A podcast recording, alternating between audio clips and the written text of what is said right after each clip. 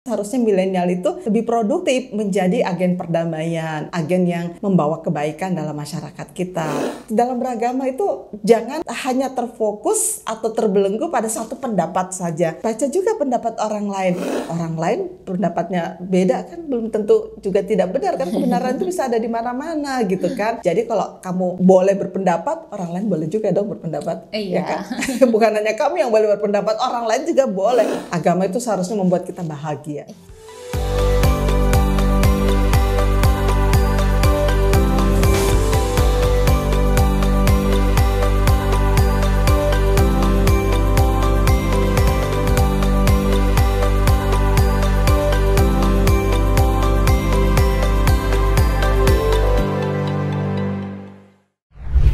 Assalamualaikum warahmatullahi wabarakatuh. Salam keadilan dan kesetaraan.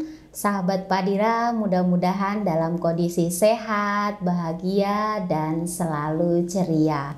Hari ini saya ditemani oleh Ibu Musdah Mulia. Apa kabar Ibu? Alhamdulillah, ya selalu sehat ya Dwi. Alhamdulillah mudah-mudahan sahabat-sahabat Padira juga selalu sehat dan tetap jaga protokol kesehatan ya. Iya, terima kasih banyak Bun. Karena eh, sekarang ada varian baru ya Bun ya. Dan macam-macam sekarang, jadi Iya. tetap aja kita harus tetap jaga kesehatan ya. Nah, iya Bun. Nah, ini ngomongin generasi milenial Bun. Tema kita hari ini akan mengajak sahabat Padira sebagai generasi milenial untuk menjadi agen eh, promosi moderasi beragama.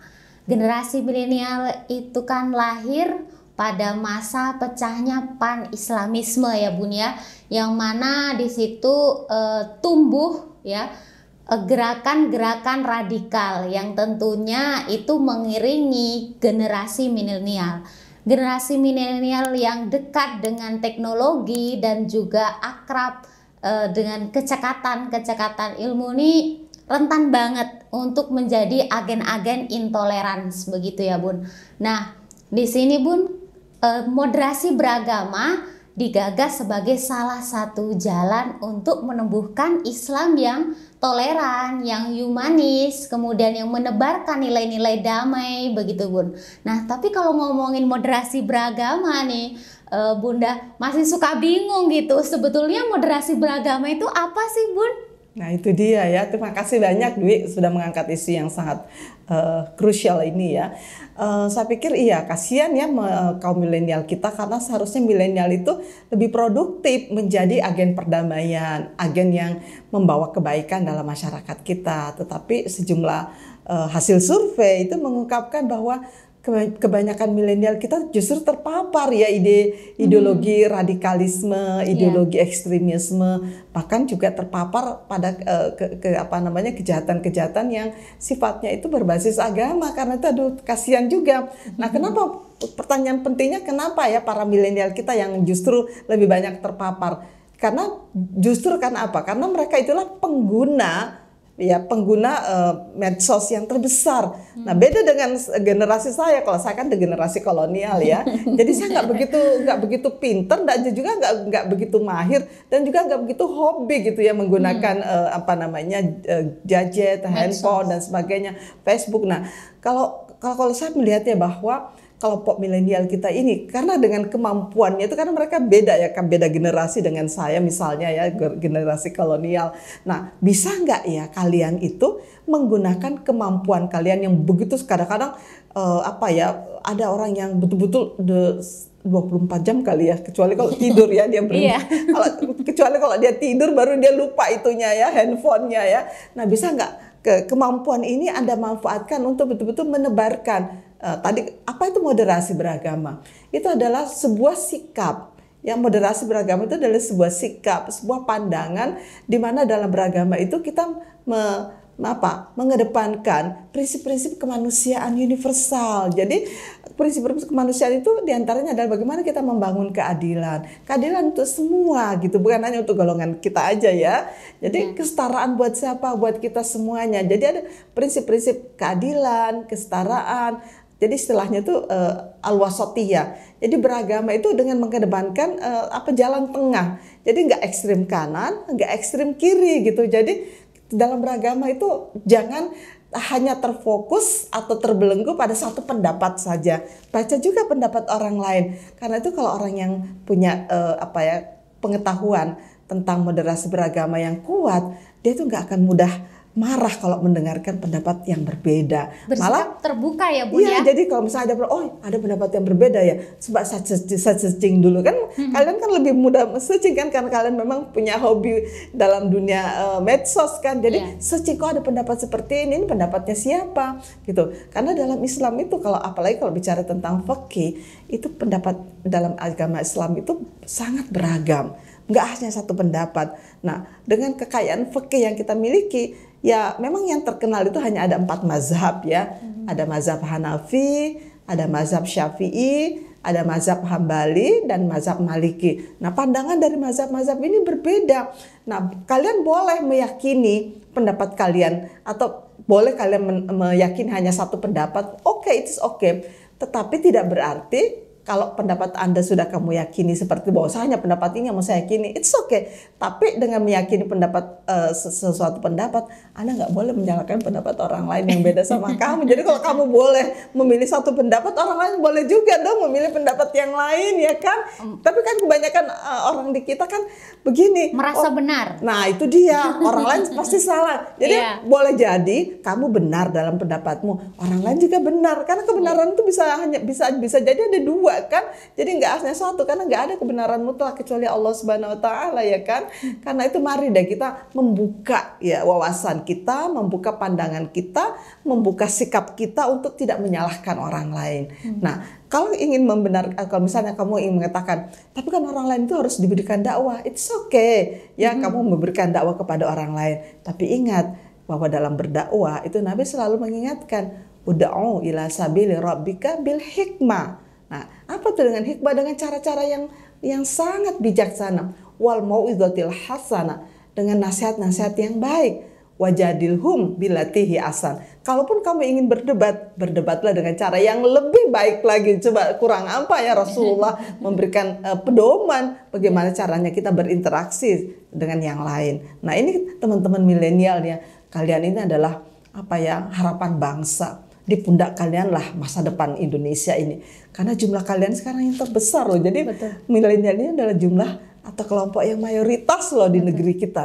Kalau nggak salah itu jumlahnya sampai kalau dihitung sampai dengan generasi Z itu sekitar hmm, bahkan 70 jutaan loh. Waduh. Karena itu kalian ini menjadi kelompok yang mayoritas yang harusnya me, apa ya mewarnai ya kehidupan keagamaan di negeri ini. Ya. Kemudian tema-tema dari moderasi beragama ini apa saja sih Bun supaya nanti eh, nggak uh, salah salah tema gitu untuk teman-teman milenial ini? Ya tema-temanya itu sangat luas ya bagaimana -hmm. dalam kehidupan berpolitik, okay. dalam kehidupan uh, apa namanya uh, bereko, uh, keekonomi, iya. dalam kehidupan keagamaan itu sendiri misalnya dalam kehidupan politik. Uh, dalam kehidupan politik orang bisa kok memilih ya tergantung aja partai politik mana yang kamu sukai. Tetapi jangan mengatakan hanya partaiku yang benar ya yang lain salah. Wah ini gawat ini kalau begini. Atau ada pandangan politik tertentu ya misalnya uh, oh saya maunya pandangan yang demokrasi. Terus yang satu mengatakan oh saya maunya pandangan yang khilafah. Ya boleh-boleh aja sih sebetulnya memiliki pandangan seperti itu.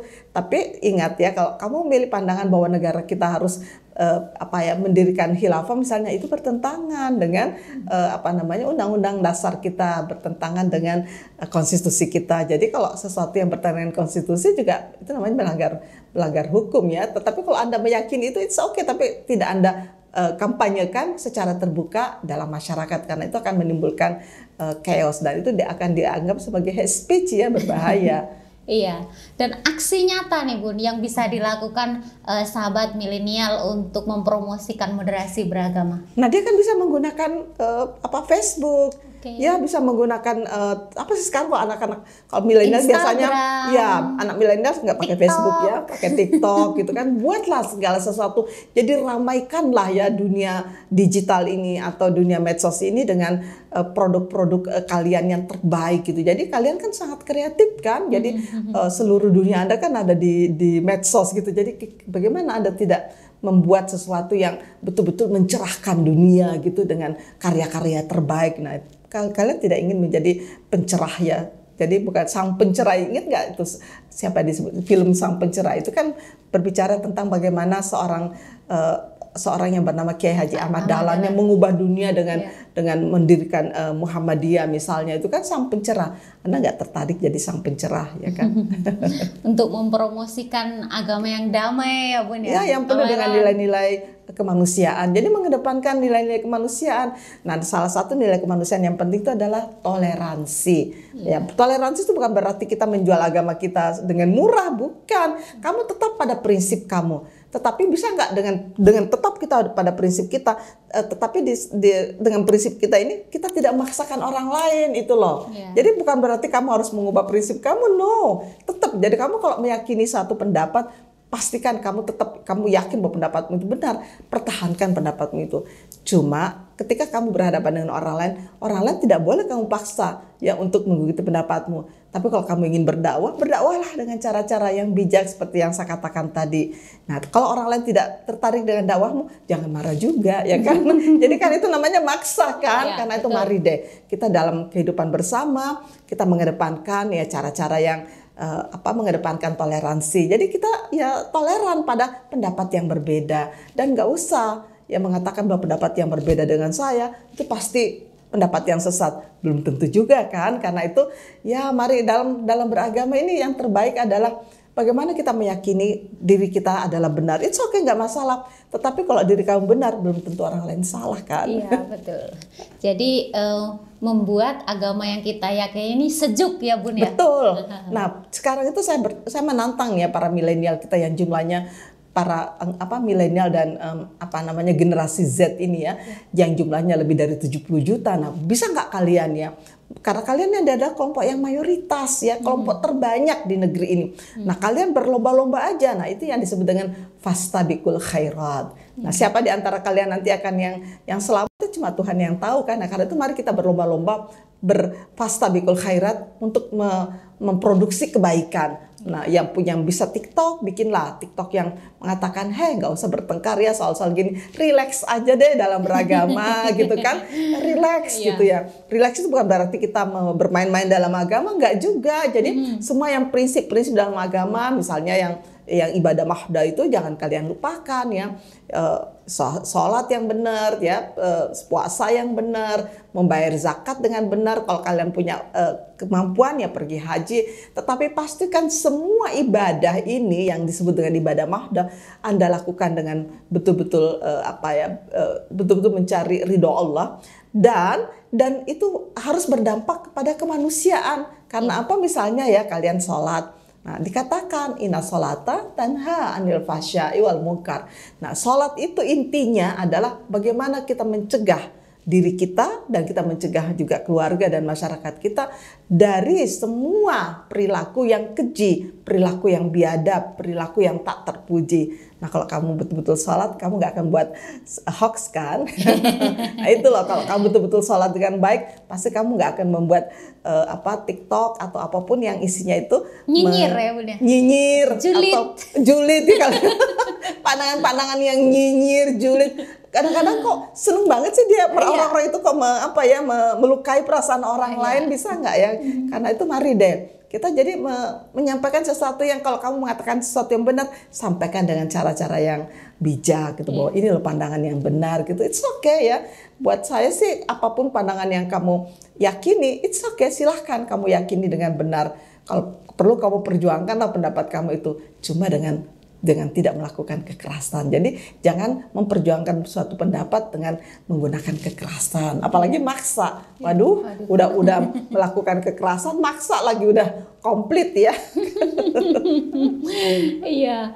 Tuh sahabat milenial. Jadi uh, kita itu bisa bersikap moderat tanpa harus kehilangan identitas. Betul. Begitu ya, ya Bun? Iya. Ya, tetap aja. Jadi hmm. kalau kamu sudah meyakini satu pendapat, itu oke, okay. nggak usah kamu ubah. Kalau kamu yakin ya itu adalah pendapat yang benar. Cuma ya ketika kamu sudah menyatakan diri bahwa ini adalah pendapat yang benar, orang lain pendapatnya beda kan belum tentu juga tidak benar kan kebenaran itu bisa ada di mana-mana gitu kan.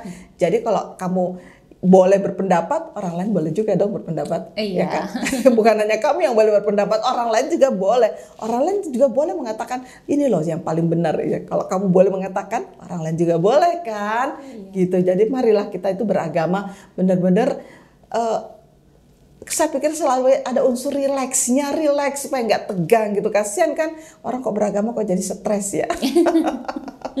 Lama-lama nanti agama bisa ditinggalkan dong. Itu dia kan orang malah takut beragama kok malah membuat stres. Ya, karena kenapa saya mengatakan ini karena saya melihat ya bahwa dalam apa survei global gitu ya semua negara-negara yang penduduknya itu mengaku agama itu penting kok malah tidak memproduksi apa-apa gitu. Malah hmm. di sana lebih banyak chaos, lebih yeah. banyak uh, apa ya persoalan-persoalan seperti kemiskinan, ya hmm. keterbelakangan dalam pendidikan, hmm. dalam sains dan teknologi, juga dalam uh, kehidupan sosialnya banyak konflik. Kok bisa gitu ya? Hmm. Karena itu saya selalu berpikir agama itu seharusnya membahagiakan kita semua. Iya. Ini terima kasih banyak nih Bun sudah mengajak sahabat milenial Padira untuk terus mempromosikan agama yang memanusiakan, yang damai, yang toleran, tapi juga membahagiakan dan membahagiakan. Agama itu seharusnya membuat kita bahagia. Iya. Jalani dengan rileks ya, ya Bun ya. Dijalani dengan rileks. Ini terima kasih banyak nih Bun. Mudah-mudahan bermanfaat dan semakin banyak uh, generasi milenial yang bisa menyebarkan atau membawa agama kita itu menjadi agama yang damai. Jadilah semua, jadi kita berharap jadilah semua terutama untuk kalangan milenial dan kalangan generasi Z. Pastikanlah dirimu menjadi agen perdamaian ya. termasuk dalam kehidupan keagamaan. Jadi promosikanlah kehidupan moderat atau moderasi beragama dalam uh, kegiatan uh, medsos kalian ya. ya. Karena itu jadilah orang yang produktif tapi ingat Anda juga adalah agen perdamaian. Hmm. Terima kasih banyak sahabat Padira, sahabat milenial. Kita ketemu lagi di podcast berikutnya ya. Mudah-mudahan uh, podcast-podcast kita ini bisa membawa perubahan untuk kalian semua. Jangan lupa like, subscribe, dan nyalakan loncengnya untuk dapat update terbaru dari tema-tema Padira ke depan. Salam pencerahan untuk keadilan dan kesetaraan. Terima kasih. Terima Assalamualaikum warahmatullahi wabarakatuh.